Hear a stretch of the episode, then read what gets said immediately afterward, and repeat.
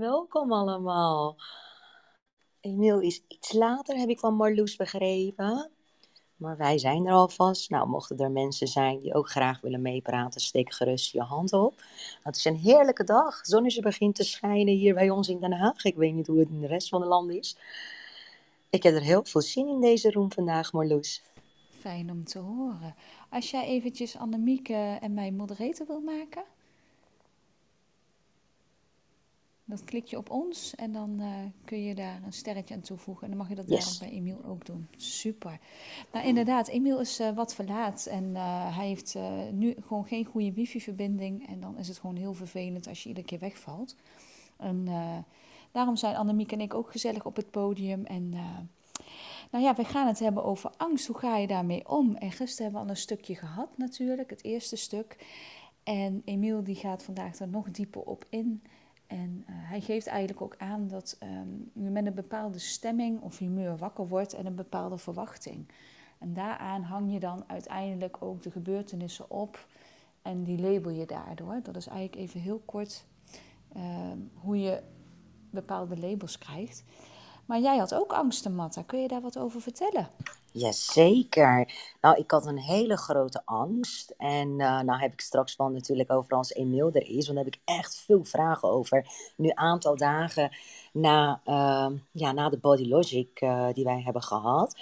Um, nou, ik had het natuurlijk niet verwacht. Dat, nou, eerlijk gezegd dacht ik, we komen daar, we krijgen Body Logic te horen. En we nemen onze certificaat mee en we gaan naar huis. Ik was op alles voorbereid, behalve met mijn angst oog in oog gezet worden.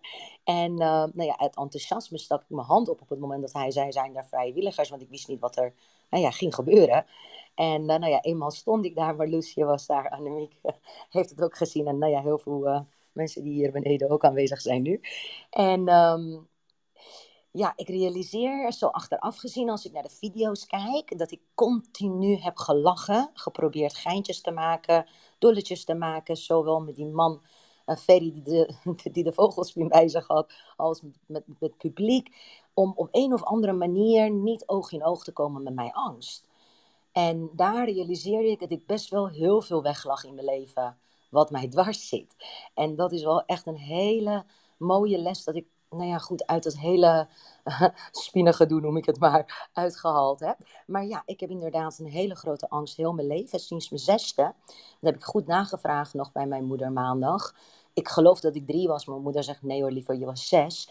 Um, mijn oom die woonde in, woonde in een hele grote huis in een natuurwijk, of een natuurgebied. En daar um, lagen wij in de middag met mijn nichtjes en neefjes uh, in de visitehal. Want in Iran heb je met grote huizen een woonkamer en ook nog eens een ontvangst van je gastenkamer, zeg maar. Die is altijd heel ruim. En daar lagen we in de middag even een middagdutje te doen. En toen hoorde ik paniek. Ik doe mijn oog open en ik zie een hele grote vogelspin. Ik sliep naast een soort van een zijde gordijn. Zo de gordijn met, nou ja goed, vrij uh, grote snelheid omhoog gaan. En ik blokkeerde daar en ik was zo in shock dat ik niet kon gillen, ik kon niet bewegen. Ik heb ook een aantal dagen niet kunnen praten daarna. Uh, en dat komt omdat mijn ouders en mijn oom ons altijd, uh, nou ja goed, gingen verbieden om de natuurgebied in te gaan, omdat daar uh, blijkbaar veel vogelspinnen en ook schorpioenen waren. Dus we hebben altijd enge verhalen meegekregen. Dat je dood kan gaan en uh, het is gevaarlijk, ga daar niet heen. Nou, wij als kinderen gingen er alsnog natuurlijk altijd heen. Maar uh, nou ja, tot het moment dat ik, dat ik die vogelspin zo zag daar en, en die kwam zo de, de plafond op. En ik weet nog dat mijn neefje wakker werd en ging gillen en mijn moeder kwam, mijn tante, ze had ons weg. En nou ja, uiteindelijk hebben ze hem gevangen. Maar ik heb gewoon dat angst vanaf dat moment heb ik bij me gedragen. En op mijn elfde in Nederland, want ik kwam op mijn elfde naar Nederland en ik ging naar school en ik ging naar een Nederlandse school. Het waren geen buitenlanders. Destijds had je niet dat je een taalschool had of wat dan ook. Ik kwam in 96 in Nederland en dat had je allemaal niet. Dus vier jaar in het asielzoekerscentrum. En nou ja, sprak je gewoon natuurlijk geen woord Nederlands. En ik ging naar school en ik was eigenlijk nou ja, altijd de, de target voor, uh, voor de pest school. En ik werd nou ja, goed gepest als je maar gepest kon worden. Want ik verstond niks. Dus uh, ze gingen me pesten om alles. En één keer op, uh, dat, ja, dat vergeet ik natuurlijk ook nooit meer. Nou gaat mijn stem ook een beetje trillen en mijn lichaam nog steeds. Ik weet niet waarom. Maar goed, um, Toen uh, hebben de jongens een uh, dolletje willen uithalen. Toen de juf eventjes weg was om wat kopietjes te maken, hebben ze mij met tape vastgebonden aan de stoel. En hebben ze uit een hele grote kast, was een eiken en daar zat allemaal gedroogde diersoorten in. Hebben ze dus een, nou ja goed, vogelsvin uitgehaald en die hebben ze op mijn lijf gezet. En daar, nou ja, goed, bevestigde natuurlijk mijn angst zich nog een keer. En um, zaterdag bij Emiel, bij Bodylogics, ben ik erachter gekomen dat ik niet echt een angstspin alleen maar heb losgelaten, maar al die angsten die daaraan gekoppeld waren. Ja. En één daarvan is natuurlijk gepest worden en de andere is uh, niet geaccepteerd worden door de maatschappij waar ik in kom te wonen en nou ja, veel meer andere angsten. Dus uh, ja, dat is een beetje in kort mijn verhaal, Marloes. Wat ik nou eigenlijk ertussen hoor is, um, want dit heb je allemaal helemaal niet met ons gedeeld op dat nee. moment, dus, uh, dus echt een verdieping meer. Um, dat jij eigenlijk schrikt van het feit dat jij het filmpje bekeek en dacht van, hé, hey, waarom heb ik alles zo weggelachen? Waarom lag ik eigenlijk al mijn angsten zo weg en verstop ik mezelf op die manier? Klopt. En dat vond ik wel een heel mooi, in, of vind ik een heel mooi inzicht, niet vond, vind.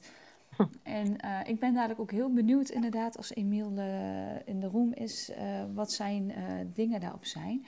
Wat jij zegt, het loslaten van heel veel andere dingen, dat herken ik heel goed. Ik ben dadelijk ook heel benieuwd naar het verhaal van Annemiek. Want ik ben op 17 april geweest en ik um, heb echt me voorgenomen, toen was het wel duidelijk, hè, we gaan dit doen, we gaan vuur lopen, we gaan plankje doorslaan en glasspringen komt. Dat wisten we. En ik had gezegd altijd thuis van, hè, nou, ik ga over dat vuur lopen en dat gaat goed en het gaat zonder problemen. En ik ga dat plankje doorrammen. Dat ram ik gewoon door, dat gaat me dit keer wel lukken. Fobie van, uh, of fobie, een um, beperkende overtuiging van 12 jaar waar het me niet gelukt was om dat plankje door te slaan. En ik heb daar die dag zoveel losgelaten. En dat stukje begrijp ik dus helemaal. En dan komen er wel weer nieuwe dingen en nieuwe onzekerheden, maar op een ander niveau. Hoe ervaar jij dat, Annemiek? Ja, mooi hoe je dat, uh, hoe je dat aangeeft, Marloes. En, en wat, wat mij dus ook inderdaad nu opvalt, Matte, dat jij, wat jij nu vertelt, eigenlijk wat hier helemaal aan vooraf is gegaan, dat, ja, dat hebben we zaterdag heel anders beleefd. Inderdaad, jij zat meteen, jij werd ja, eigenlijk al, al vrij snel geconfronteerd met, met die spin mijn gevoel. Waardoor heel snel inderdaad de, de, lading, de angst heel zichtbaar werd. En met name het fysieke gedeelte bij mij, dat is me ook heel erg bijgebleven. Dat jou, jou dat trillen. En wat je net ook benoemde uh, van wat er op school gebeurde. Die fysieke reactie, die, dat deed me meteen denken aan zaterdag. Ik zag jou op je, je stond daar op je elegante mooie hakjes. En ik zag je, je enkels, je, je voeten trillen. En het was zo, zo intens om, om dat te zien. En ook weer heel mooi dat uh, in die verschillende. We hebben natuurlijk, jij bent uh, geweest, er zijn nog meer dames geweest, ook met, met die spin. En dat bij, uh, bij de ander was heel erg het verhaal, de levensloop, de intro. En dat bouwde, ja, dat bouwde op een andere manier op. En bij jou was het meteen die fysiek wat, wat, wat insloeg. En dat, ja, ik zit dit nu voor mezelf ook een beetje een soort van te verwerken en, uh, en te observeren. En hoe dat, hoe dat nog doorwerkt na zo'n dag. En dat je dit nu weer met ons deelt en de reactie die het in je oproept. Dan denk ik, jongens, oh, het is zo mooi als je iets van jezelf daarin opent. Dat je het aan wil gaan, dat je het wil toelaten. En dat dat dan iets opent voor jezelf wat doorwerkt. En ja, terwijl we het er hier nu over hebben, dat, dat er weer een stukje eigenlijk meegenomen wordt. Maar goed, dat is, dat is even wat, ik, wat er nu zo in mij opkomt.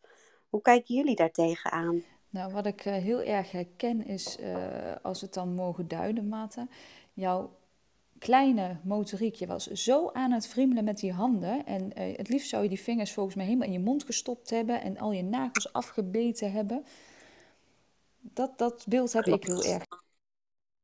Klopt, Marloes. Het liefst, het aller, allerliefst wilde ik gewoon de tijd terugdraaien en die hand van mij niet opsteken. Op dat moment, hè. Achteraf zie ik het anders. Maar ja, inderdaad. Ik, ik wist niet wat er met me gebeurde. Ik weet alleen dat er allemaal druppels vanuit mijn hoofd, zo op mijn nek en vanuit mijn nek op mijn schouders, zo langzaam aan geleden naar mijn voeten toe. Ik was zaik en zaik nat. En het trilde zo ontzettend van binnen. Maar ik wilde mezelf zo groot houden. Ik wilde mezelf zo niet laten zien. Ik weet niet waarom ik dat deed. Ik vond het achteraf gezien op die film zo onnatuurlijk hoe ik er eigenlijk bij stond. Ik ben er gewoon van geschrokken, Marloes. Dat, dat, dat was zo onnatuurlijk, lachen en dollen terwijl ik gewoon sta te shaken. Ik dacht van, waarom, heb ik er, waarom geef daar gewoon niet aan toe? Je bent een mens en het mag. Je mag angsten hebben.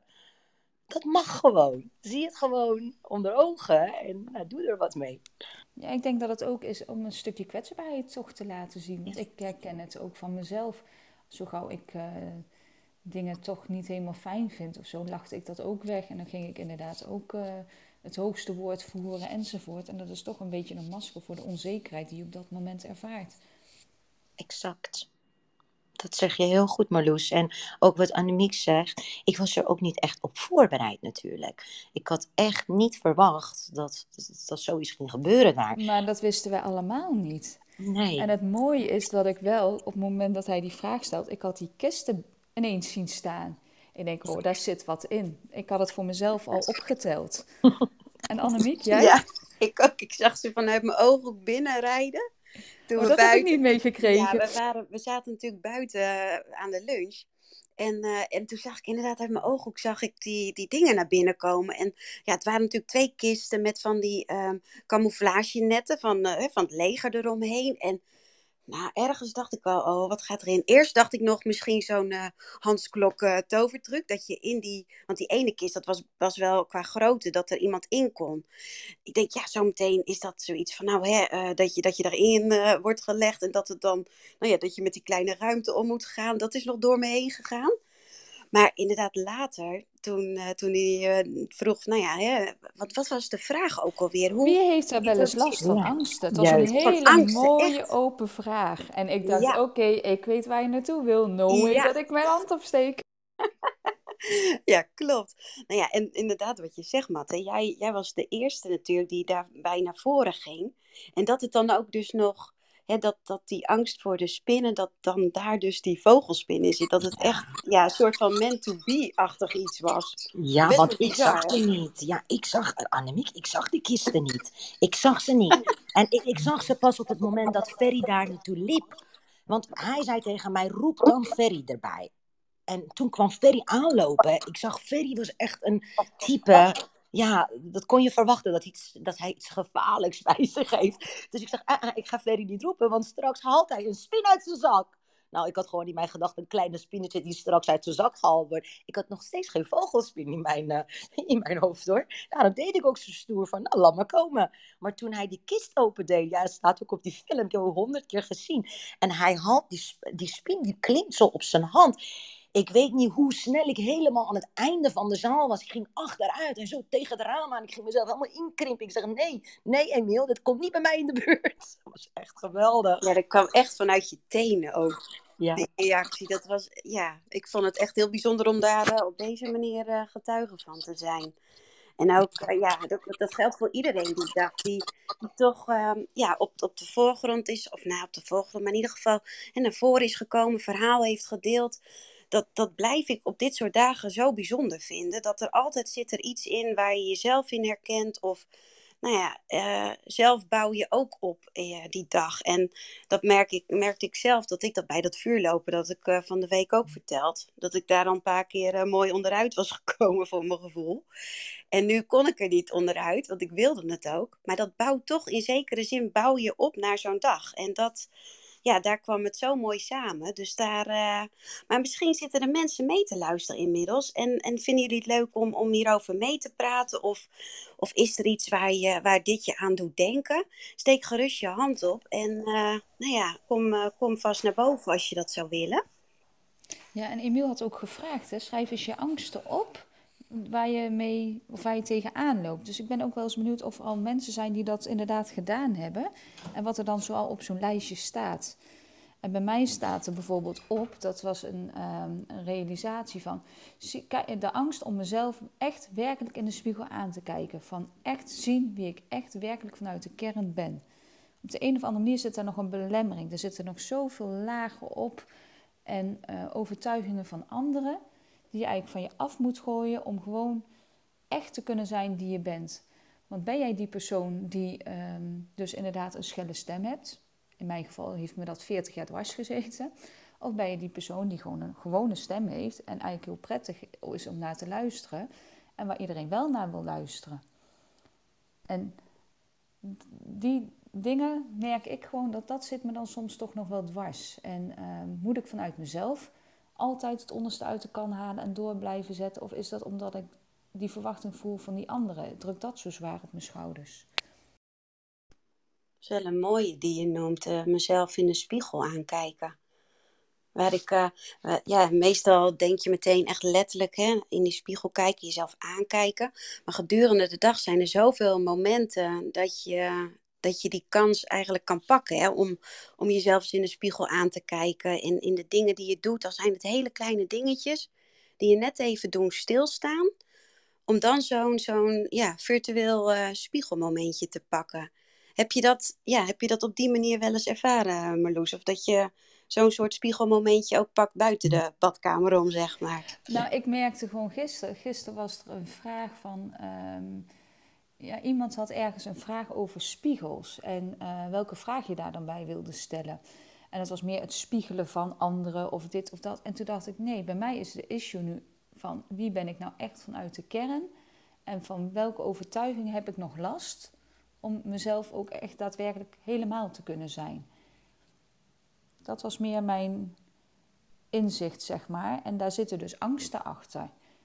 Want waarom ben ik dan nog niet helemaal... Ja, tenminste, ik ben wel mezelf. Maar toch heb ik nog niet helemaal mijn ware aard ontdekt.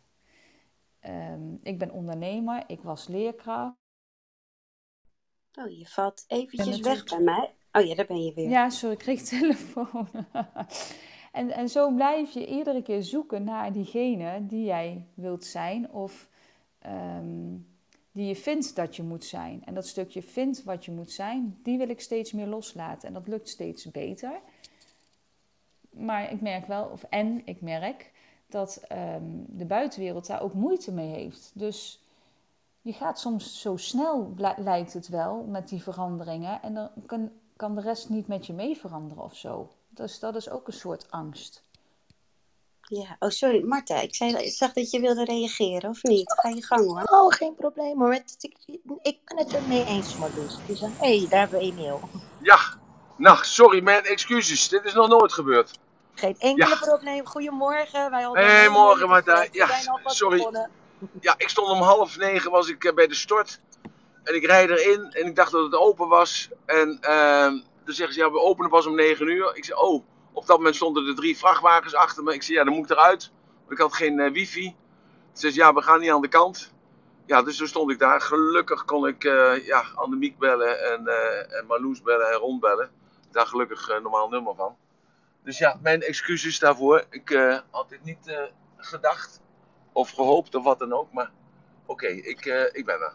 Geen enkel probleem. Welkom Emiel. Wij hebben het zojuist gehad over nou ja, dat stukje angst van mij. Ik heb daar een kleine uitleg over gegeven wat de achtergrond van mijn angst en de oorzaak vandaan kwam. En uh, nou, Marloes en Annemiek hebben het ook daar even over gehad. Dus we hebben het even over zaterdag gehad. En ja. uh, nou, we zijn blij dat je er bent. Mooi zo, fantastisch. Oké. Okay. Het kan zijn dat ik zo direct de weg val. moet je maar even, ja. even gillen. ik hou hem zelf even in de gaten. Want dan uh, ben ik mijn internet kwijt, want dan moet ik de grens over. Ja?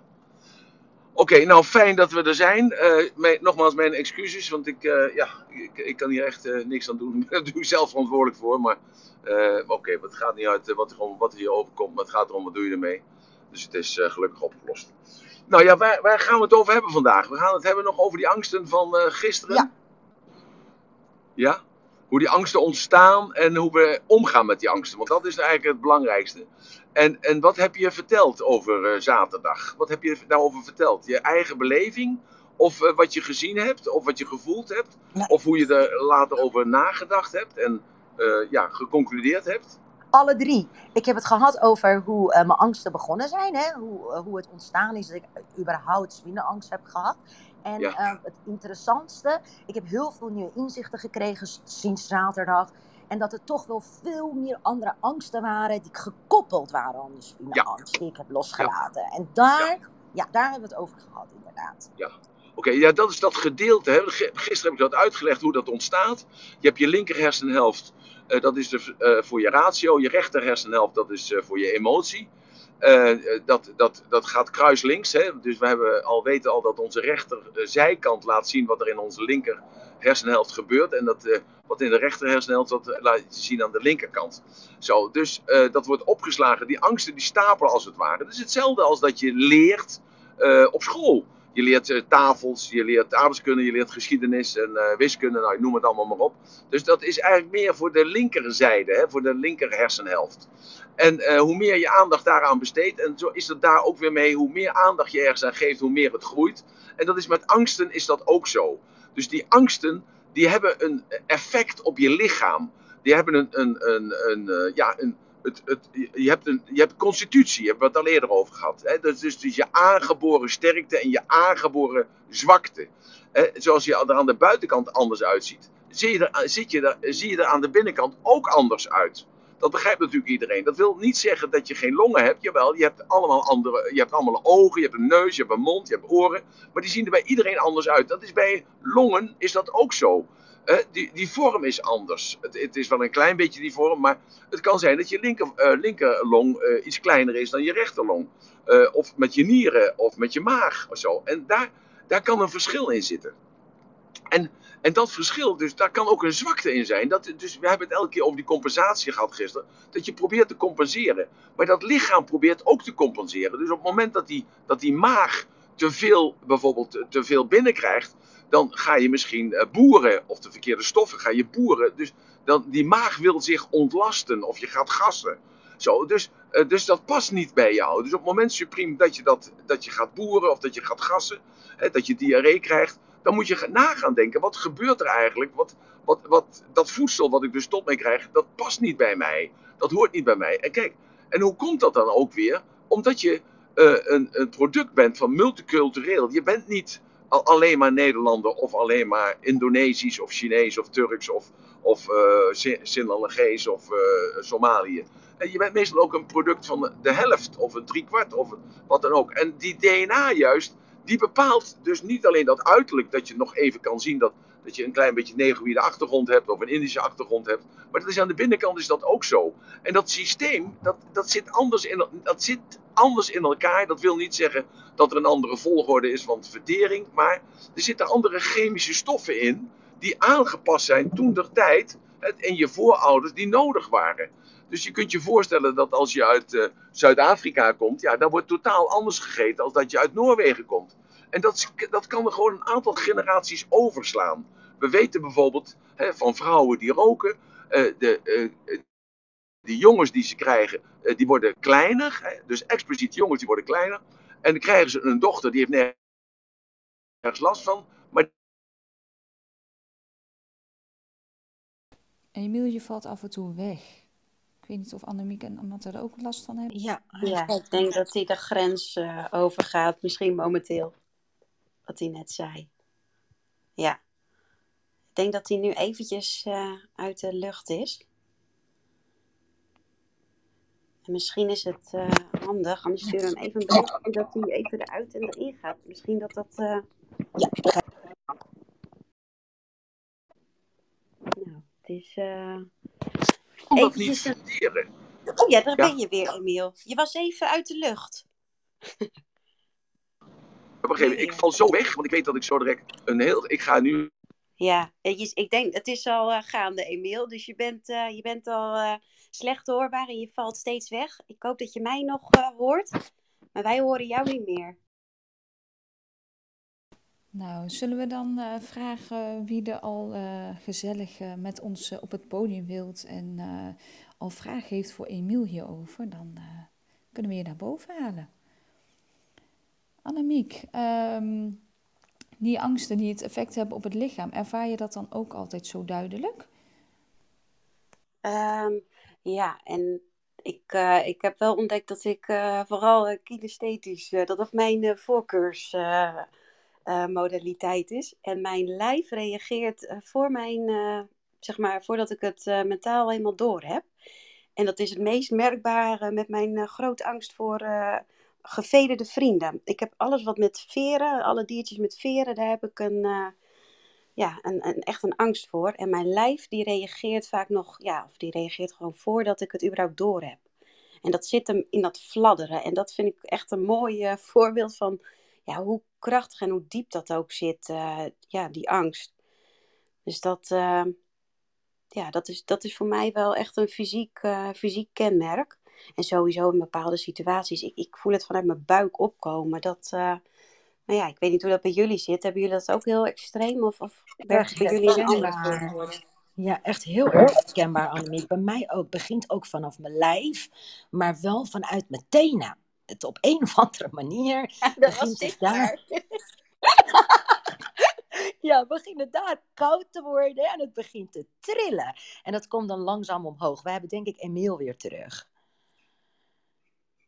Ah, nou ja, hij unmute zichzelf uh, wel inderdaad. Dus het is voor mij wel heel erg herkenbaar dat mijn lichaam daar, voordat ik realiseer dat het angst bij me opkomt, begint mijn lichaam daar al op te reageren. Dus die geeft alle tekens van ja, gevaar aan al, zeg maar. Hoe zit het bij jou, Marloes? Voel jij dat ook heel erg in je lijf?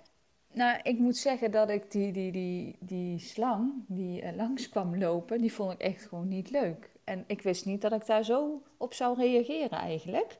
Dus die vond ik echt een beetje te groot. Dus het greep me eigenlijk ook wel naar de keel, als het ware. En ik lag het een beetje weg. Zo van, oh, wat is dat ding ja, ik ben er, ik ben er weer.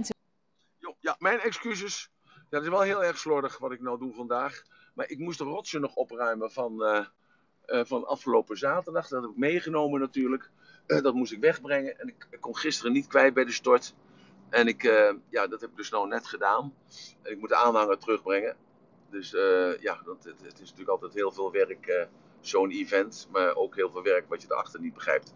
Uh, ben ik weer helemaal luid en duidelijk te verstaan? Yes, helemaal. Oké, okay, gelukkig. Oké, okay. ik had even uitgelegd linkerzijde, rechterzijde hersenhelft.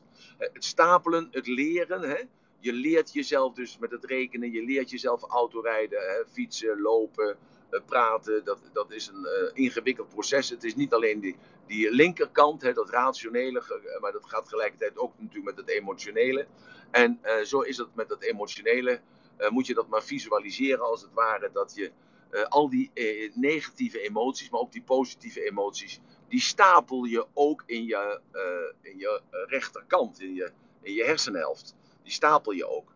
Dus die angsten, die versterken elkaar. En juist als die angsten elkaar gaan versterken, ja, dan krijg je een verkramping op de, zwak, op de zwakste plek. dat, is de dat is de constitutie. Op de zwakste plek, uh, dat kan zijn je maag, dat kan je darmen zijn, dat kan je rugspier. Ja, het kan je oog zijn, hè, dat je een, trilling gaat doen. Of het kan een, uh, ja, het, je knie zijn. Het, je valt weer eventjes weg volgens mij, Emiel. Of ligt het... Uh... Hebben jullie het ook, uh, ladies? Ja, ik uh, ja. daar is hij weer, hopelijk. Nee. Bij mij is hij ook weg. Het is een energie uh, die even vandaag anders loopt dan normaal. En dat is helemaal niet erg. De wet van Murphy heet het ook wel. Ja, misschien, misschien mooi om eventjes... Gerda, jij bent bij ons naar boven gekomen. Ja, want ik, wat Marloes net zei over die slang, hè, dat hij voorbij liep en dat je toen eigenlijk pas besefte hoe groot het beest is. Ik zal je vertellen, het heeft mij sinds, uh, sinds zaterdag best wel bezig gehouden, die slang en die spin. Omdat ik besefte dat ik voor die spin eigenlijk niet eens zo bang ben. En uh, ja, dat ik, dat ik denk, maar ja goed, dat moet je altijd maar, uh, de, de, praktijk wijst soms anders uit. Maar dat ik denk dat ik die ook best wel uh, op mijn arm zou laten lopen. Niet op mijn gezicht of zo, maar wel op mijn arm. Dus daar zou ik denk ik niet zoveel moeite mee hebben. Alleen die slang, uh, die heeft echt wel indruk gemaakt. Ik had ook het gevoel dat ze voorbij liep, dat hij me ook gewoon recht aankeek. En dat was, ja, dat, dat kwam echt binnen. Dat was echt een heel ja, apart gevoel. En nou, vanmorgen zat ik in de auto en ik zat er nog eens over na te denken. Toen besefte ik ineens dat ik niet zozeer bang ben voor die slang, maar meer bang voor wat hij kan doen. Ja, dus die het, eh, onvoorspelbaarheid, zeg maar. Ja, precies. Ja. Voor de schade die zo'n beest uh, kan aanrichten. En niet zozeer bang voor de slang, want die zou ik nog best durven aaien. Als ik zeker zou weten dat er niks zou kunnen gebeuren. Dat hij niks doet en, en dat hij niet. Kijk, het blijft natuurlijk onvoorspelbaar, zo'n beest. En toen besefte ik, ik denk, ja, dat is Het is meer de onvoorspelbaarheid. Want dat heb ik ook een klein muisje. Ik ben echt niet bang van een muisje. Maar gewoon het feit dat het beest in één keer van, van A naar B schiet. Zonder dat je daar uh, ja, op voorbereid bent. Dat is meer uh, de angst inderdaad. Ja, mooi hoe je dit ook uh, hoe je dit vertelt. En dat je tot zo'n besef komt ineens van waar die. Ja, daar, waar Emiel het natuurlijk ook altijd over heeft, die metafoor. Dus iets in die angst, dat, dat vertegenwoordigt een soort van metafoor. En ja, dat dat bij jou die onvoorspelbaarheid, uh, hè, dat dat stukje daarvoor uit is gekomen. Dat is wel heel mooi inzicht, ja. Ja, ik zelf ook wel. Ja, en, en ook uh, zo herkenbaar weer, Gerda. Zodat je het nu uitlegt, besef ik ook dat ik in principe niet bang ben voor die spin zelf, maar die snelheid. Precies. Ja, dat onvoorstelbaar. Je weet gewoon niet wat hij gaat doen. Hij komt te snel. Het komt te snel in je aura. Zo Ja, precies. Ja. ja. ja want kijk, zo'n spin op zich. Bedoel, ook als je er naar kijkt. Het is net wat die Emil zei. Van ja, het, het, is best een lief beestje, weet je. Het beest heeft totaal geen, geen uh, besef van de schade die hij ondertussen aan het aanrichten is. Ben ik, ben ik nou weg? Of ben ik al die tijd weg geweest? Ja. Je bent nu net weer terug. Ja, maar hoe lang ben ik dan weg geweest? Hebben jullie het verhaal gehoord van voorouders? of drie, vier. Nee, Emiel, dan mag je echt overnieuw doen. Ik denk voordat je de grens overging, dat het eigenlijk al een beetje misging. En uh, je bent een beetje gebleven op dat de angsten hadden het effect op het lichaam. En toen heb je nog twee, drie zinnen gezegd en toen uh, viel je weg. Was ik al weg. En oh, ondertussen jongens, heeft Gerda iets heel moois toegevoegd, Emiel. Ja. Dat, dat het, Gerda, leg het eens nog een keer anders aan Emiel uit. Ja, nou, het, het ging om die uh, spin en die slang. Dat, um, het heeft best wel indruk gemaakt. En ik zat me dus af te vragen, ja, die spin, daar ben ik eigenlijk niet zo bang voor. Die zou ik best wel op mijn arm laten lopen. Daar zou ik niet zoveel moeite mee hebben, denk ik. Dat, uh, ik heb nog nooit geprobeerd, dus ik weet niet zeker. Maar dat, dat vermoed ik. Maar die slang, toen ze voorbij liep, ik had echt het gevoel dat het beest me ook gewoon recht in mijn ogen aankeek. En, en er ging echt wel iets, dat raakte iets bij me. En dat, dat, ja, dat, dat gaat toch een beetje zitten. En dan ga je over nadenken van, maar wat is dat nou? En vanmorgen zat ik in de auto. En in één keer besefte ik, ik denk, maar ik ben niet bang voor die slang. Ik ben bang voor wat die slang kan doen. Ja. Dus dat, dat, dat, dat onvoorspelbare, dat daar, dat, daar zat mijn angst. Want die, die slang op zich, als ik zeker weet dat zijn bekje bijvoorbeeld dichtgetaped zou zitten, om even heel luguber te zijn, ja. dan zou ik hem best aaien. Dan zou ik er helemaal geen moeite mee hebben. Dan zou ik hem willen bekijken, vasthouden. Dat maakt me dan niet uit. Nee. Alleen het feit dat het beest, dat ik niet uh, kan inschatten wat hij van plan is, of zij. Ja. Ja. Dat, maakt, dat, dat maakt dat mijn angst naar boven komt. Was een dus dat zegt hè? alles over wie jij bent. Hè? Dat zegt alles dat jij de controle wil houden. Precies. En dat zegt het dus eigenlijk. Kijk, en dat is natuurlijk uiteindelijk daar het om gaat. Want iemand anders heeft bijvoorbeeld de slang, uh, de bek, uh, negatief geankerd. Of de ogen. Uh, of de tandjes. of het lispelen. of de kleur. of juist de vochtigheid. Hè? Weet je wel, het glibberige van een slang. Zo. Ja. alleen die slang is dus een, eigenlijk een soort symbool voor slechtigheid. Hè? Dus mensen die die veel uh, uh, voedelboeken hebben gelezen of daarmee bezig zijn geweest, die weten ook wat een slang daar allemaal in betekent. Het negatieve eigenlijk, hè? de duivel ook. Zo, dus dat zijn, is, zijn ook allerlei onbewuste etiketten die je daaraan gegeven hebt. Maar heel goed, Gerda, dat je erover nagedacht hebt. en dat je verder bent tot de conclusie bent gekomen van ja, het, het gaat dus eigenlijk niet om die slang. Het gaat er dus om dat hij niet te controleren valt door mij.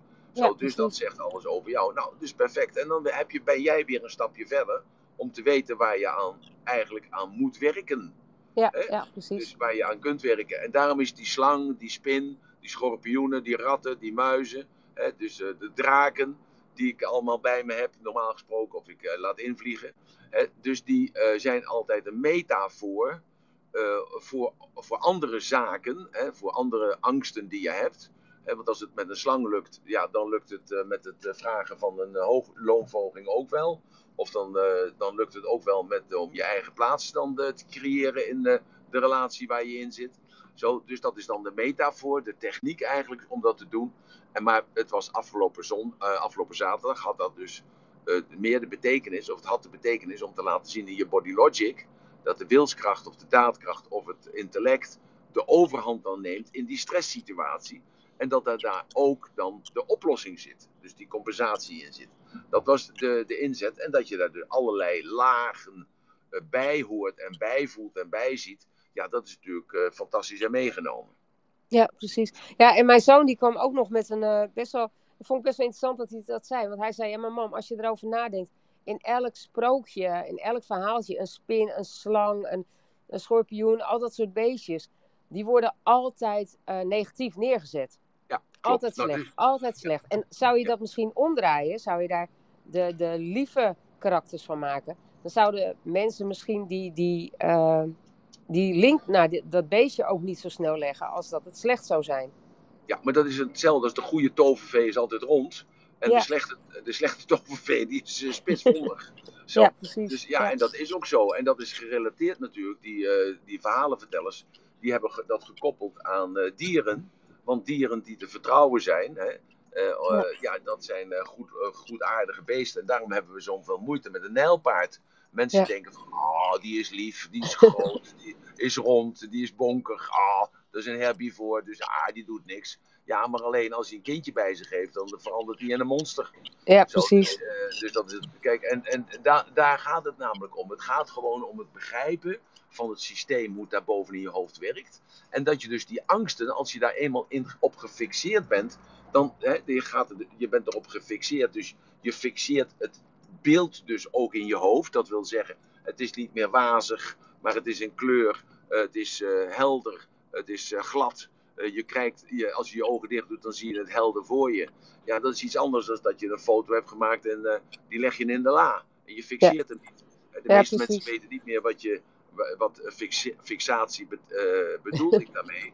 He, dat vroeger werd er een foto gemaakt en dat werd gefixeerd in een chemisch blad, bad, waardoor dus de, de stof dus bleef zitten, waarop dus de afbeelding bleef zitten. En als je dat niet fixeerde, dan, bleef, uh, dan vervaagde dat beeld.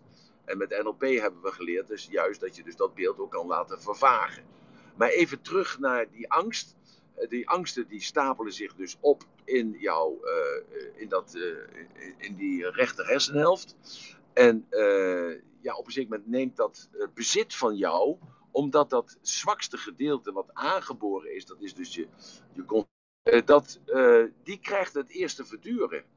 En daar ontstaat dus een soort ophoping in van angsten. En er stond een op, opeenhoping in van uh, op dat moment een opeenhoping uh, stapels van, van een soort bevriezing of een soort verkleving of een soort, ja, wat, hoe je dat ook zeggen wilt. En, en, daar heb je geen macht meer over, lijkt het dan. En dan die angst uh, is dan gekoppeld aan allerlei externe factoren wat, wat je onbewust ervaart. Hè? Dus, dat is dat, dus die, die slang en die spin die, die zijn als niet prettig geëtiketteerd in alle sprookjes. Dus dat niet prettig zijn, die angsten die komen dan dus onbewust weer terug. En jij denkt, ja, waar komt dat nou vandaan? En je probeert dat dan te duiden maar je bent vergeten dat dat lag aan dat sprookje, of aan dat verhaaltje, of aan uh, dat getekende beeldje in dat sprookje. Zo, en dan begrijp je dus die epigenetica, ga je begrijpen. Dat, dus, uh, dat je van je ouders, je grootouders, je overgrootouders, heb je dus die lichamelijke afwijking tussen aanhalingstekens gekregen. Want het is geen lichamelijke afwijking, het is gewoon een tekort in het functioneren van de snelheid van je maag, of van je darmen, of van je nieren. Zo, en dat is eigenlijk iets dat je dus niet de schuld moet gaan geven. Maar als je in goed contact blijft met je ouders en in goed contact blijft met je voorouders, dan hoor je ook hoe zij vroeger gevochten hebben uh, in hun leven tegen uh, maagpijn of tegen nierpijn of tegen uh, longfalen. Of in, ja, ik herinner mij nog heel goed dat mijn, dat mijn moeder altijd tegen mij zei: je moet goed uitplassen. En die laatste druppel die moet eruit want de ratelbanden sterven allemaal aan nierfalen. Nou, dat is er dus als kind van drie, vier jaar al ingeramd. Dus je kunt je voorstellen dat ik dat nu ook weer tegen mijn zoons gezegd heb. En daarom drink ik ook veel. Maar nu blijkt achteraf, omdat ik heel goed contact heb met mijn, uh, mijn neven en mijn nichten. Ik, uh, om de zoveel jaar uh, organiseer ik dan een reunie. En dan hoor ik daar de verhalen van hoe hun vader en moeder zijn overleden. En dan blijkt dus gewoon dat nierfalen een praatje te zijn. Waarom? Dat is niet aangeboren, maar dat komt omdat ze kinderarbeid moesten verrichten. En ze moesten hun plas inhouden. Want ze moesten werken in de bakkerij. Ze moesten beschuitdoppen eh, eraf wikkelen. Ze moesten brood snijden. Ze moesten eh, de oven bedienen. Ze moesten kolen erin scheppen. Nou, kortom, ze moesten zwaar werk leveren al vanaf hun vijfde, zesde jaar. En daardoor konden zij niet een aandacht geven aan hun lichaam. En daardoor kregen zij zwakke nieren, want die moeten die groeien door. Ook als je je eerste paar jaren groeien die nieren door. En daar is dus een tekort in ontstaan, want die kracht die er nodig was om die nieren te laten volgroeien, die is naar fysieke kracht gegaan. Dus door die kolen te scheppen in de oven, of dat deeg in stukken te moeten hakken in de bakkerij. En dus daar zijn dan uiteindelijk door die niervergiftigingen en nierfalen en dan ook nog veel alcohol erbij drinken, zijn ze gestorven. Dus het, het, het, het is dus niet zo dat wij aangeboren zwakke nieren hebben. Maar dat is ons wel, uh, daarmee zijn we wel mee opgegroeid met dat idee. Wat dus de hallucinatie was, de interne representatie of de interne presentatie was van mijn moeder die dat ervan gemaakt had. Nou, en zo zie je dus dat, dat, dat het belangrijk is om dus contact te houden met van waar kom ik vandaan. Uh, wat, hoe hebben zij, hè, dus hoe hebben zij, dus papa en mama, hun leven geleid? Hoe hebben hun ouders hun leven geleid? Hoe hebben hun ouders leven geleid? En daar kun je heel veel van leren, heel veel van leren. En mensen die bijvoorbeeld uit het buitenland komen, uh, tweede, derde generaties, die komen dan bijvoorbeeld op hun vijftiende of zestiende komen dan terug in het land van hun voorouders. En dan eigenlijk unaniem hoor je die mensen altijd zeggen van, ik stap het vliegtuig uit en ik kom thuis. Ik kom thuis. Ben ik er nog? Jazeker. Oh god, ik twijfel. Luid en duidelijk. Ja, zie je wel. Ja. Zo, dus, dus die mensen komen dan thuis door de, de verhalen van opa en oma, wat er dus een levend beeld in hun geworden is. Het eten wat ze gegeten hebben bij opa en oma. Dus die smaakpapillen, dat zit er nog in. Daarna heb je het nooit meer gegeten. Daarna ben je overgegaan op McDonald's of op uh, gebakken aardappels of, uh, of, boerenkool. Zo, dus, dus dat is helemaal afge... Dat is er niet meer, denk je. En toch heb je... Je komt dan thuis. Omdat je en heel veel signalen herkent. De geur herken je in één keer van je oma. Ik heb bijvoorbeeld van mijn moeder, die in 2003 is overleden, heb ik een doos. En in die doos zitten haar zakdoeken. Mijn moeder had net als ik de gewoonte om altijd zakdoeken bij zich te hebben. En uh, die zakdoeken die uh, had zij dan in een doosje. En dan, daar had zij ook haar, hoe noem je dat? poeder, poeder, poeder. Ik weet niet of dat de dames dat nog gebruiken vandaag de dag. Maar had ze dus zo'n zo'n doosje met een spiegeltje. En daar zat dan poeder in met een soort watje. Zo'n zo'n depje. En dat depte ze dan haar gezicht met die poeder. En uh, dus mijn moeder was dood. Uh, 2003 overleden. En ik uh, ben aan het verhuizen. Ik ben elf keer verhuisd in negen jaar. Na mijn laatste relatie, na mijn laatste huwelijk. En um, ik, ik zie dat doosje en ik denk van, hé, hey, wat, is, wat zit erin? En ik doe het doosje open en ik, ik ruik mijn moeder gewoon. Ik ruik gewoon mijn moeder. En in één keer beginnen allerlei beelden te komen van haar. En ik denk, hoe kan dat nou? Hoe kan dat nou? Maar dat is dat doosje. Dus ik heb snel dat doosje dicht gedaan. Ik heb snel dat doosje dicht gedaan. En toen was Minou was er. En Minou was echt een lieveling van mijn moeder. En Minou was er. Ik zeg, uh, ik zeg Minou, ik zeg, ik wil je even wat laten ruiken. En toen zei ja, wat wil je me laten ruiken? En, uh, ik, zeg, ik zeg niks. Dus ze hield haar hoofd al uh, afwezig, want ze dacht, een paar, er komt zeker een spin uit die doos of zo. Of er komt een, uh, een of andere harlekijn uit dat doosje, dat dacht ze eigenlijk. Dus ik deed, ik zei, nee, vertrouw me nou, vertrouw me nou. Doe nou je ogen dicht. Nou, dat duurde gewoon iets van 10%. Dat duurde gewoon wel 10 minuten voordat ze me vertrouwde en dat ze de ogen dicht deed. En toen deed ik dat doosje open. En toen begon ze zo te huilen. Dat is mama, dat is oma, dat is oma. Is oma. Zo, dus zo zie je, hè, dus dat die hersenen, die houden alles vast. Daarom is dat verhaal zo mooi van die 40 jaar geen koffie drinken. En in één keer die reclame voor je kop zien van Douwe. En stoppen bij McDonald's en een uh, cappuccino nemen. Die dan niet zo lekker is als dat je dacht. Zo, dat, uh, dus even terug naar die angsten. Dus zo is dat met angsten is dat ook zo. Dus die angsten die jij als kind hebt ervaren, die komen dus gewoon terug. En dat hebben we afgelopen zaterdag hebben we dat heel mooi, ja mooi, sorry dat ik dat woord gebruik, hebben we mooi gezien bij Ramona, Ramona. En hebben we gezien bij Manuska. En dat hebben we ook gezien bij, uh, hoe heet zij, uit uh, Sittard. Uh, ben de naam Miranda. De Miranda, ja, ja, exact. Ja. En dan bij jou ook, Marta, hè? Yes, klopt. Zo. En nu de vraag, hoe kom ik van die angsten af? Precies. Toch? Ja, nou de angsten die daar aan gekoppeld waren, nou, daar heb je een beetje van losgelaten, maar toch heb je toch een beetje nasmaak daarvan nog. Ehm, nou, die, die, kijk, wat is in de plaat ge, gegroefd, blijft in de plaat. Dat gaat dus nooit weg. Je kunt het wel overstemmen door nieuwe ervaringen. En daarom zijn die succeservaringen zijn zo noodzakelijk. Elke dag weer dat je daarop gefixeerd blijft van wat voor betekenis heeft dat nu wat mij overkomt. Hè? Dat jij je dus zelf dus tot de orde kunt roepen. Want yes, chaka. Dat is gewoon die vuist maken en dan chaka. Zo, dat doe ik toch. Dat je trots op jezelf bent. Dat je beslissing hebt genomen. Ja, het is chaka. Zo, en, dat is, en je ziet mij dus nu ook die vuist maken. En je ziet me kijken naar die vuist. En je ziet me die knijpvuist knijpen. En je hoort dat woord chaka zeggen. Zodat ik dus die drie modaliteiten. Hè, dus het visuele want ik kijk naar die vuist en ik kijk naar dat chakra en ik kijk naar die beweging. het visuele, het kinesthetische. want ik knijp, in mijn, ik knijp met mijn nagels in de palm van mijn hand. Terwijl ik dus gewoon die arm span. Dus ik voel die spieren spannen. Ik voel dus die nagels in mijn vlees. dus dat is het kinesthetische. En tegelijkertijd zeg ik daar chakra bij op een bepaalde tonatie. En dat is auditief. Zo. Dus hoe meer emoties je bij, hè, hoe meer zintuigelijke informatiesignalen je kunt combineren bij een positief anker, hoe sterker dat wordt. En dat is een bewust proces.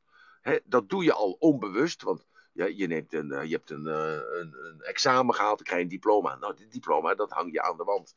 Uh, ja, met je voetbalclub heb je een, een, fantastische overwinning gehaald. Je bent landskampioen, of je bent kampioen van het dorp gehaald, of ja, weet ik veel wat. En je neemt die medaille mee naar huis en die hang je gewoon aan de muur. Zo, dus dat zijn allemaal succesmomenten die je wederom elke dag moet vieren. Daarom zijn die ritualen ook belangrijk. dat die ritualen zijn ook een, een iets van diepzinnig, uh, zijn iets van fijn, zijn iets van plezier, zijn van iets van verdiend, zijn iets van trots, zijn iets van, uh, ja, dat heb ik zelf gedaan, dat heb ik zelf bewerkstelligd.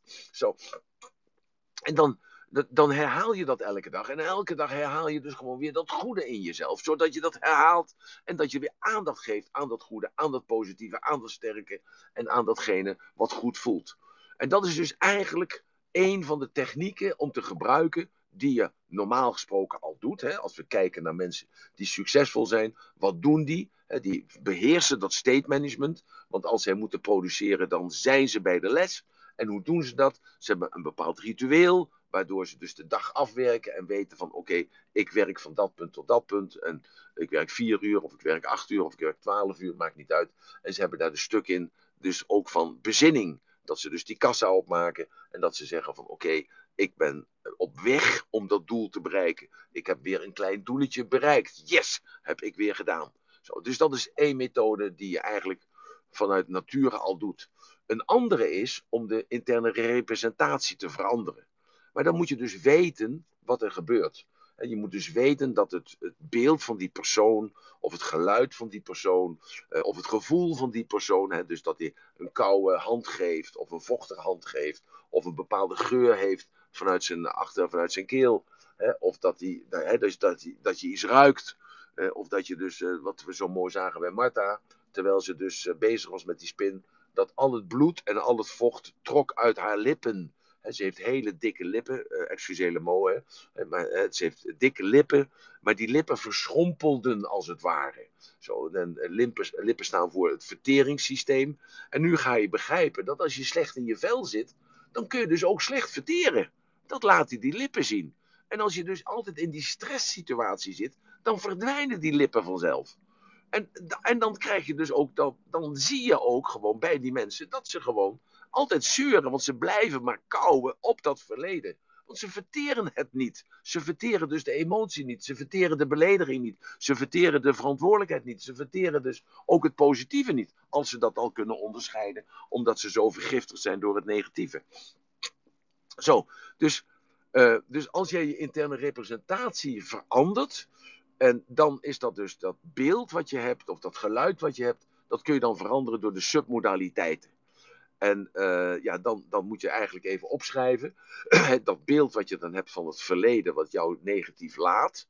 Of als jij precies weet van nou, het is die bril, of het is dat geluid, of het is uh, die hand, of het is uh, die temperatuurverandering, of het is die geur, uh, of het is die persoon.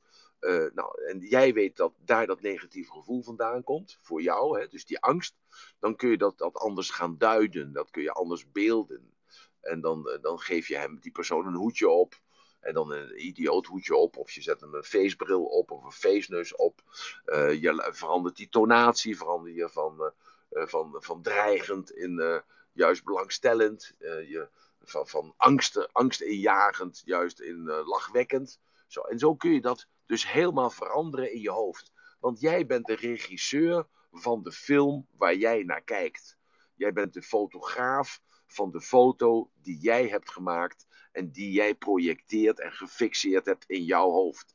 En zoals je hem gefixeerd hebt, omdat je hem belangrijk vond, hè, door die emoties waar je in was, door al de alle zintuigelijke informatiesignalen die het gewoon op dat moment op scherp stonden, heb jij die foto die aandacht gegeven en komt die foto elke keer terug naar boven. En die foto wegdrukken heeft geen zin, omdat er dus dan een auditief uh, representatiesysteem komt van een soort verdediging, een soort weerstand, een soort discussie in dat hoofd. Van ja, nee, maar als je dat doet, dan gebeurt er dit. En ja, waarom doe je dat nou? En ik verdien toch ook een plaatsje. En je moet dat begrijpen. Nou, dus die, die discussie verlies je altijd. Die discussie verlies je altijd, 100%. Zo, dus nooit in discussie gaan met de innerlijke stem. Want de innerlijke stem heeft veel meer potentieel en veel meer verstand en veel meer toegang tot allerlei onmogelijke zaken waar jij niet aan kunt denken, maar waar hij of zij in jouw hoofd wel aan kan denken. Want zij of hij heeft een rechtstreeks lijntje naar het onderbewustzijn.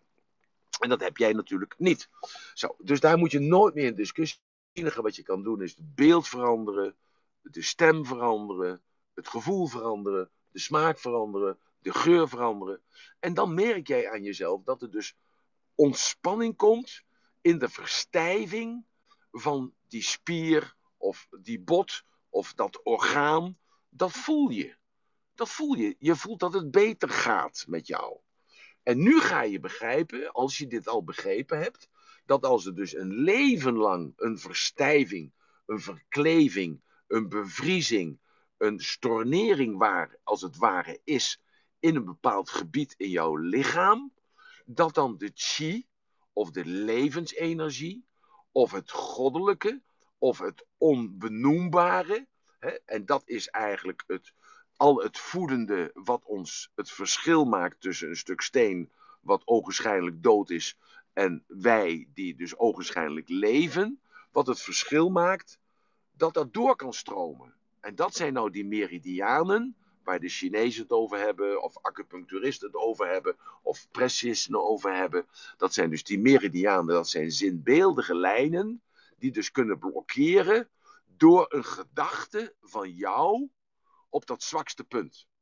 En dat zwakste punt zorgt ervoor dat als daar die energie niet meer doorheen kan gaan, nou dan weet jij, dan, dan, dan, dan, het is net als met een file, dan gaat al die energie gaat voor die blokkade zitten.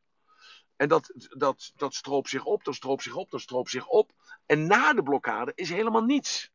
Dus daar aan de andere kant verschrompelt het als het ware. Is het tekort aan chi? Is het tekort aan zuurstof? Is het tekort aan vocht? Is het tekort aan eiwitten? Is het tekort aan alles? En dus daar begint het probleem. En dan ga je begrijpen dat dus voor de blokkade ontstaat dus een soort file. En het lichaam wil dat gewoon opgeruimd hebben en raakt overbelast. En dat is dan weer een bijwerking van datgene wat jij jezelf hebt aangedaan. Is dit duidelijk gezegd zo? Ja, absoluut. Zo, dus daarom is het essentieel om te werken aan die angst. En dat gebeurt vandaag de dag bij heel veel mensen, bij heel veel kinderen zelfs. Hè. Ook heel veel preventief. Hè, dus daarom gaat uh, heel veel mensen gaan in therapie. Uh, omdat zij zich zorgen maken, of omdat ze fobisch zijn, of dat er uh, iets ernstigs in hun leven is gebeurd. En, uh, en, als mensen dan in therapie gaan, dan, dan krijgen ze dat aha-erlevenis. Dan krijg je de situatie van: oké, waar ligt mijn eigen verantwoordelijkheid? Hey, dat, dat is mij aankomen waaien. Oké, ik kan er iets positiefs mee doen. Wat kan ik, is het positieve wat ik eraan mee kan doen? Is dat het je wel heeft laten overleven hè, de afgelopen jaren. En dat je nu uit die overlevingsfase komt. En dat je dus nu gaat beginnen te leven. En dat is niet de kwestie van dat je dus dan dat mag vergeten helemaal. Nee, juist, daar mag je dankbaar voor zijn dat je in deze tijd bent en dat je erboven in de piramide van Maslow zit. En dat dus die noodzaak hè, van het collectief is al zo dat je daar mensen voor mag, uh, mag voor helpen. En als je nu kijkt bijvoorbeeld naar uh, de, de fobieën en de angsten van mensen die uh, bijvoorbeeld in Groningen gele geleefd hebben of leven vandaag de dag in Friesland, waar dus het gas uit de bodem is gehaald. Nou, die hebben te maken met uh, aardverschuivingen, die hebben ermee te maken met, uh, ja, met, met angsten dat er s'nachts in één keer het huis in elkaar kan donderen. Nou, dat kun je je voorstellen welke veiligheid je ontnomen wordt. Nou, dat is dus nu gestopt. Hè. Er wordt geen gas meer uit de bodem gehaald. Dus dat gevaar dat wijkt langzamerhand. Hè. Er zal nog, nog wel een, af en toe een, een verschuiving plaatsvinden, maar het grote gevaar is dan voorbij. Het wordt in ieder geval niet erger. En wij als collectief, en nu komt het mooie daaraan. Wij als collectief betalen daar de prijs van straks, hè, dus straks dus aankomende winter, door 500 of door 1000 of door 2000 euro meer aan gas te moeten betalen uh, op onze rekening, omdat we nu het gas moeten importeren uit uh, Rusland of per schip aan moeten laten komen uit andere gebieden. Zo, dus dan zie je dus dat de consequenties van, het, uh, van de trauma's oplossen van die mensen, dat wij als collectief daar bereid zijn om een prijs voor te betalen. En dat is beschaving. Dat is nu echte cultuur, beschaving. Dat heb je prachtig gezegd, Emiel. Heel mooi. Ja. En we hebben ondertussen Maruska ook even op podium. Zij was natuurlijk zaterdag er ook bij. Uh, vind je het goed als we even tussenwoord... Gisteren zat ze in de vliegmachine, denk ik. Ja, klopt. Maruska, welkom. Sterke dame. Goedemorgen allemaal. Jij in de vliegmachine, Hallo. inderdaad. Nou ja, dus, uh, ik wil even iets uh, met jullie delen. Ik vond dat echt een hele leuke ervaring. Echt een hele top en uh, onbetaalbare ervaring wat ik heb opgebouwd afgelopen zaterdag. Dankzij jullie allemaal. En ik word weer emotioneel. ik kwam natuurlijk terug naar de hotel toe, zaterdagavond. En ik denk dat ik had gewoon echt heel veel tijd nodig om me te beseffen wat er gebeurd is. Dus op het moment toen ik op het hotel kwam, kreeg ik een soort van um, angstig gevoel met de hyperventilatie. Dus denk ik rond 1 uur, half 2. Toen dacht ik, nou ga ik even mijn man bellen. Maar ja, die sliep natuurlijk. Uh, toen dacht ik, nou wat kan ik doen? Ja, wat kan je doen als je in je eentje bent? En uh, op een gegeven moment moest ik aan denken van gewoon rustig blijven en er verder gaan. Omdat ja, het kon niet erger zijn dan wat het was. Het, het moet natuurlijk nog alleen maar goed gaan. Omdat de ervaring wat ik heb meegemaakt zaterdag, dat was gewoon ja, zo apart dat je leven in 20 minuten voorbij gaat. En dat je dat in zo'n korte tijd kan verwerken. Dat je op een gegeven moment die spin op je armen hebt. Ja, ik. Ik wil jullie zo ontzettend veel bedanken voor dit allemaal. Maar je mag jezelf ook bedanken, lieve schat. Ja. Want je bent wel naar voren gekomen en ik zie je nog zitten daar rechts voor mij, achterin helemaal. En dat je dus zo kwetsbaar op durft te stellen. En dat je je verhaal deelde met ons allen. Dat we allen ja, daar zo geroerd door waren. En ook zo met vol bewondering keken naar jou. Dat jij al datgene wat jou is aangedaan als kindje van 2, 3 jaar. En als kind van 5, 6 jaar. En als kind van 12 jaar. En dat je dat ons, mede, ons vertelde. Dat we dat zagen. We zagen het gewoon voor ons gebeuren allemaal. En we dachten bij onszelf, man, man, man, man, dat dit kan en dat dit mag en dat dit mocht en dat het mogelijk was. En dat je hebt overleefd en dat je zo'n fantastische mens geworden bent zoals je nu bent. Ja, en er waren ook vrouwen in de zaal die hetzelfde, ongeveer hetzelfde hebben meegemaakt als jij. Die dat op een andere manier uiten, op een andere manier verwerkt hebben. Ja, dus, dus de dank is aan jou dat jij de grootsheid in jezelf hebt ontdekt. En dat je de grootsheid in jezelf hebt laten werken voor jou. En dat je dan s'avonds, als je alleen even op die kamer bent, met die drie appeltjes die je meegenomen had. en uh, dat je dan alleen bent en dat je dan toch weet van ja, oké, okay, ik moet even rustig blijven. En ik moet weet je wat ik zo apart vond, Emil? Ik zag natuurlijk, ja, je vroeg aan, uh, is hier iemand die, uh, die wel als vrijwilliger naar voren komen? En toen stond natuurlijk Marta naast je, maar ja, ik dacht, oké, okay, nou, het wordt gewoon, hier gaat iets bijzonders gebeuren. En naast me zat Sabine en die zegt tegen mij: Ja, je liep net uh, spin voorbij. Onder je stoel. ja, je lacht, maar wacht even. Ik kijk haar zo aan. Ik zei tegen haar: oh, Spinnen? Ik zei: Wat voor spin? Ze zei: Ja, zo'n klein spinnetje. Ik zei: oh, Oké. En toen begon je met Marta dat uh, hele verhaal opbouwen. En op het moment dat jij zei: Je hebt natuurlijk geen flauw idee wat in die dozen zit. En ik kan je zeggen net wat Marta zei ook, van, ik heb, ik heb wel, oh Marta heeft wel die dozen naar binnen gezien, te, dat iemand de dozen naar binnen zouden. Ja. ja. ze hebben het wel gezien, maar ik was helemaal niet bewust van die twee dozen daar. En op het moment dat jij zei, je hebt geen flauw idee wat in die dozen zit, ik zag die spin voor me. En dat is echt zo apart. En ik keek aan Sabine.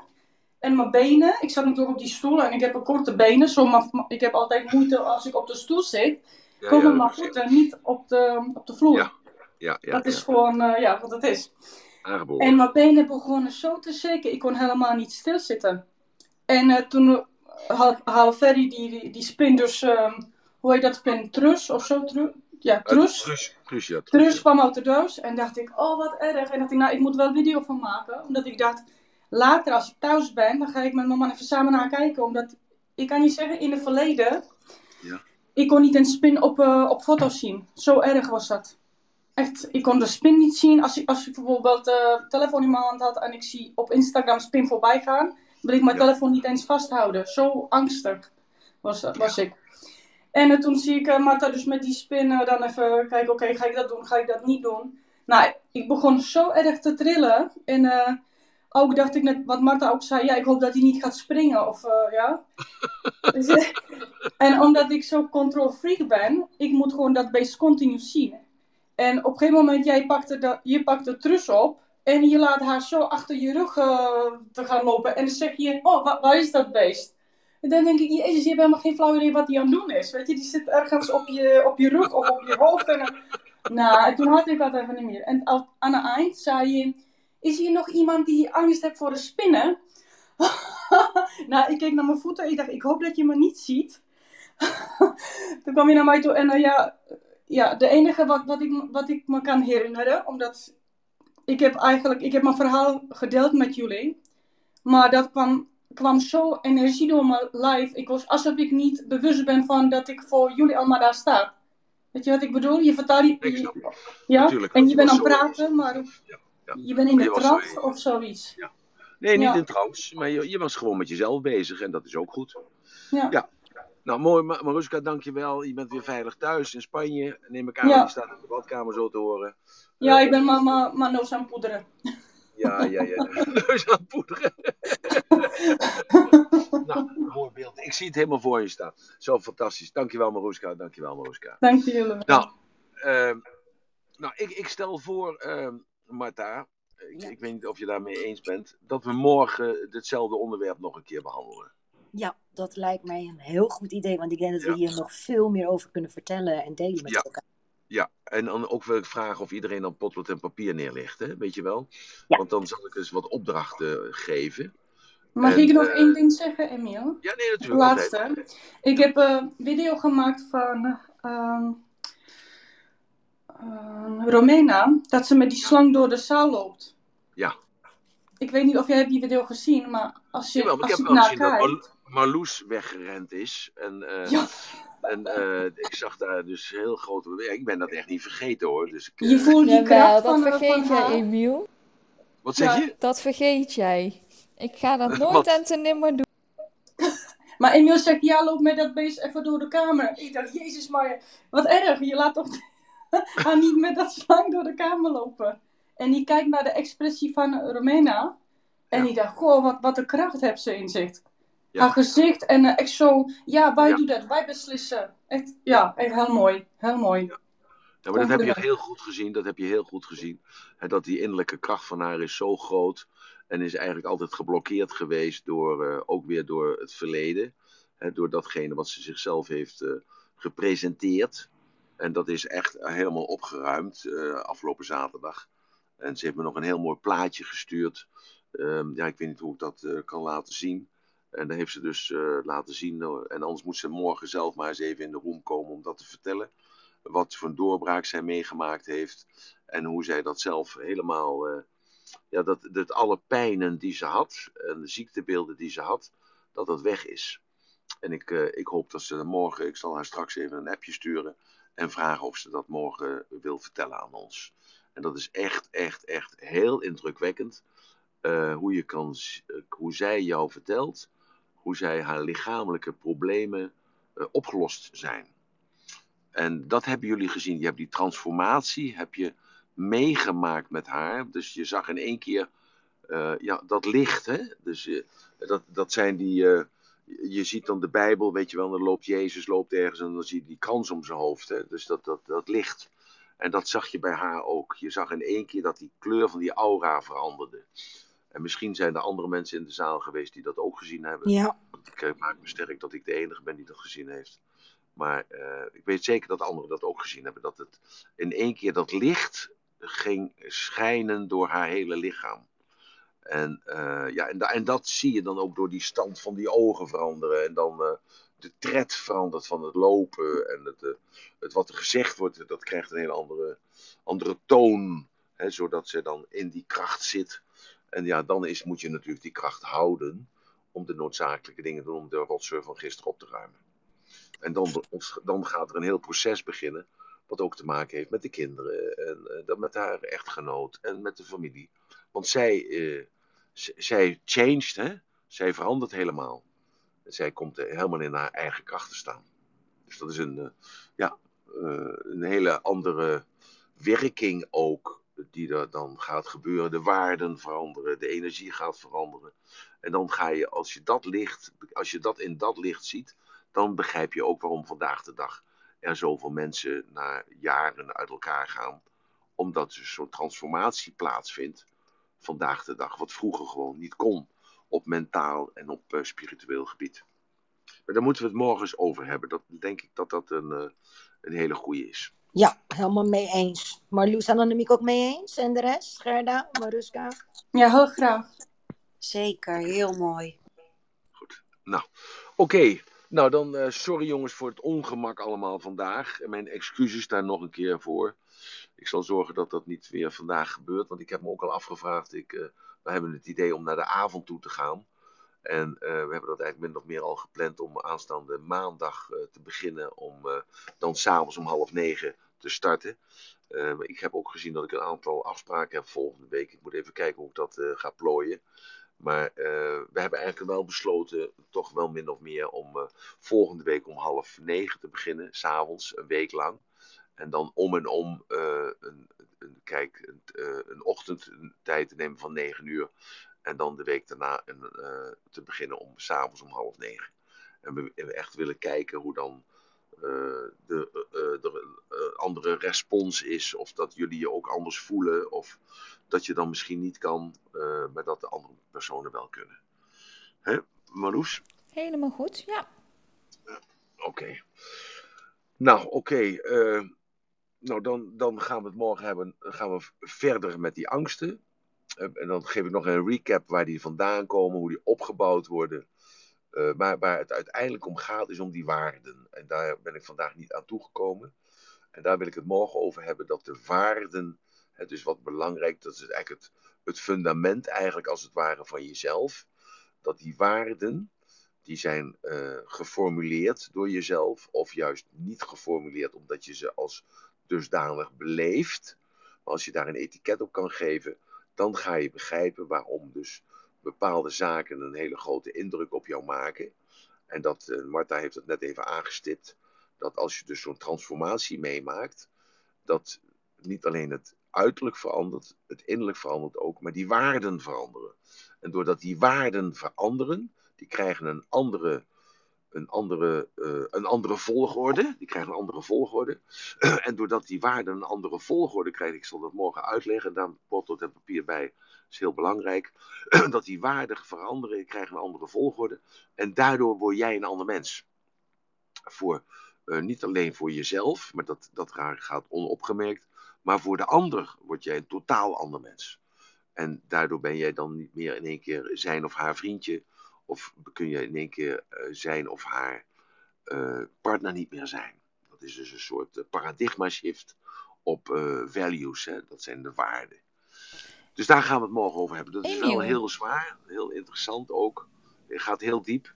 Dus ik zou willen vragen morgen dat iedereen papier en potlood bij zich heeft. Of ja, als je het doet op de iPod of op de iPad of weet zo'n ding op de computer of uh, op de telefoon bijhouden, is dat natuurlijk ook goed. Maar het gaat om dat je het kan noteren.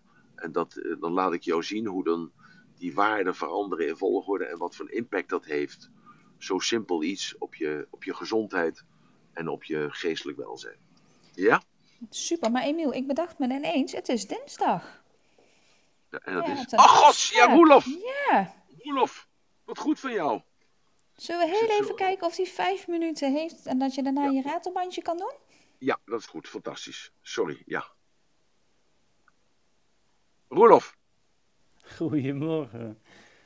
Ja, ja, jij dacht bij jezelf, ze zijn me vergeten. Nou, ik nee, was ik dacht dit. Vergeten, Roelof. Ik dacht van, uh, dit gaat uh, goed, uh, dacht ik. eh. dat herkennen we allemaal natuurlijk. ja. Want Ja. we stellen allemaal wel eens wat uit. Nou, jij bent vorige week, uh, dankjewel Marloes. Uh, fantastisch dat je er zo met de kop bij bent, meid. Fantastisch. Complimenten. Uh, nou, Rolof, je hebt vorige week had je besloten om in je tuin te gaan zitten en om eens wat op te schrijven. Nou, dat hele verhaal dat kennen we allemaal wel. En de mensen die het niet kennen, nou, dan mag je toch nog even vertellen wat er vorige week maandag is gebeurd.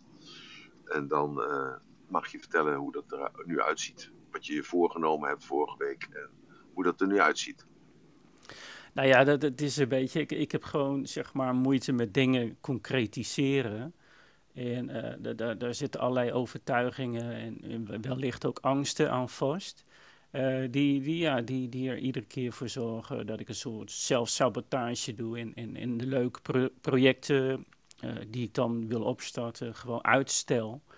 En, of ja, ja, of gewoon uh, ja, uh, kapot laat lopen of zo. En, uh, en, nu had ik me dan voorgenomen, want ik wil heel graag een affirmatiecursus doen als aanvulling op de wet van aantrekkingskracht cursus. En dat was eigenlijk de opdracht van jou, of min of meer, van, nou ja, maak, dat, maak dat dan concreet en maak er nou, een index van, of in, in ieder geval begin ermee en, en maak het... aanpak, ja. Ja, nou, en dat, dat is goed gelukt, moet ik zeggen. Dus ik heb nu. Ja, het ging maar... om de eerste module, het ging om de eerste module. Hè? Ja, precies, precies. Ja. En um, dus dat voelde heel goed. En ik had wel momenten dat ik weer, zeg maar, die oude gevoelens had uh, van, uh, ah, dit wordt toch niks en waarom zou je het überhaupt doen? En, en uh, ik kan me niet eens voorstellen dat iemand dat van mij zou willen kopen. En dat soort zaken. Maar toen dacht ik van, ja, laat maar geworden maar ik blijf gewoon doorgaan. Dus ja, dat is eigenlijk de status quo van nu. Oké. Okay. En die eerste module is nu klaar? Ja, ik heb een index gemaakt, zeg maar, globaal. dat ik denk van de, die, die punten wil ik behandelen. En de eerste module um, is voor een groot gedeelte klaar. Goed zo, oké, okay, goed ja. zo. En, ja. en wanneer is het nu helemaal klaar? Want je had toen al, had eerst een paar jaar genomen, toen werd het terug naar een jaar genomen. Nou ja, het doel is uh, voor 5 december. En volgens mij gaat het wel lukken als ik zo doorga. Goed zo, oké. Okay, ja. Nou, we zullen je regelmatig controleren.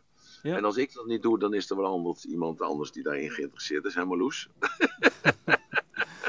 altijd goed, uh, altijd goed ja. om stokken achter de deur te hebben, dus okay. dat, dat voelde wel fijn. Ja. Oké, okay, fantastisch. Dankjewel Roelof. Oké. Okay. Oké, goed te horen. Emiel? Oké, nou, ja? Uh, gisteren had je gevraagd of uh, mensen in het podium, maar nog natuurlijk in de room aanwezig, uh, gingen opschrijven wat eigenlijk hun angsten waren en dat we dat konden ja. behandelen. Zullen we dat ja. nog wel even schuiven naar morgen? Ja, laten we dat verschuiven naar morgen. Okay, dat lijkt me beter. Dan kunnen we dat misschien ook iets langer maken. Uh, ik heb morgen ook opnames de hele dag vanaf 11 uur. Dus dat komt goed uit. Dus de hele dag staat daar in dat teken. Dus ik, ik wacht op die cameramensen dat die komen. Ik heb twee dagen achter elkaar uitzending, of nee, opnames. maar daar zal ik morgen nog wat een en ander over vertellen. En dan, dan doen we gelijk die angsten erbij. En dan doen we gelijk datgene die je opgeschreven hebt. En mensen die dat niet opgeschreven hebben, schrijf dat dan nu nog voor jezelf even op. En, zodat je dat morgen ook kan delen met ons. welke angsten er zijn in jouw leven. En waar die misschien vandaan komen. Of in ieder geval waar die zullen leiden. Ja? Maar het is goed dat je dat zegt. Oké. Nou, dan gaan we elkaar morgen zien. In ieder geval, het ratelbandje voor vandaag is deze. Geef jezelf nu succesmomenten. Geef je momenten van geluk. Geef je momenten van welzijn. Geef je momenten van plezier. Geef jezelf momenten van dat jij je goed in je vel voelt. Geef jij jezelf momenten en de kracht dat al datgene wat je overkomt, heeft alleen maar de betekenis die jij eraan geeft. Hoe erg het ook is, geef het een positieve betekenis. Dus sta stil vandaag bij al het goede wat gebeurt in jouw leven. Dank jullie wel. En nogmaals mijn excuus voor de vertraging van vanochtend. Dat zal niet meer zo gauw gebeuren. En uh, een mooie dag in deze zonnige dag. En dan tot morgenochtend, 9 uur, zien we elkaar allemaal weer. Dankjewel. Bye bye. Bye bye.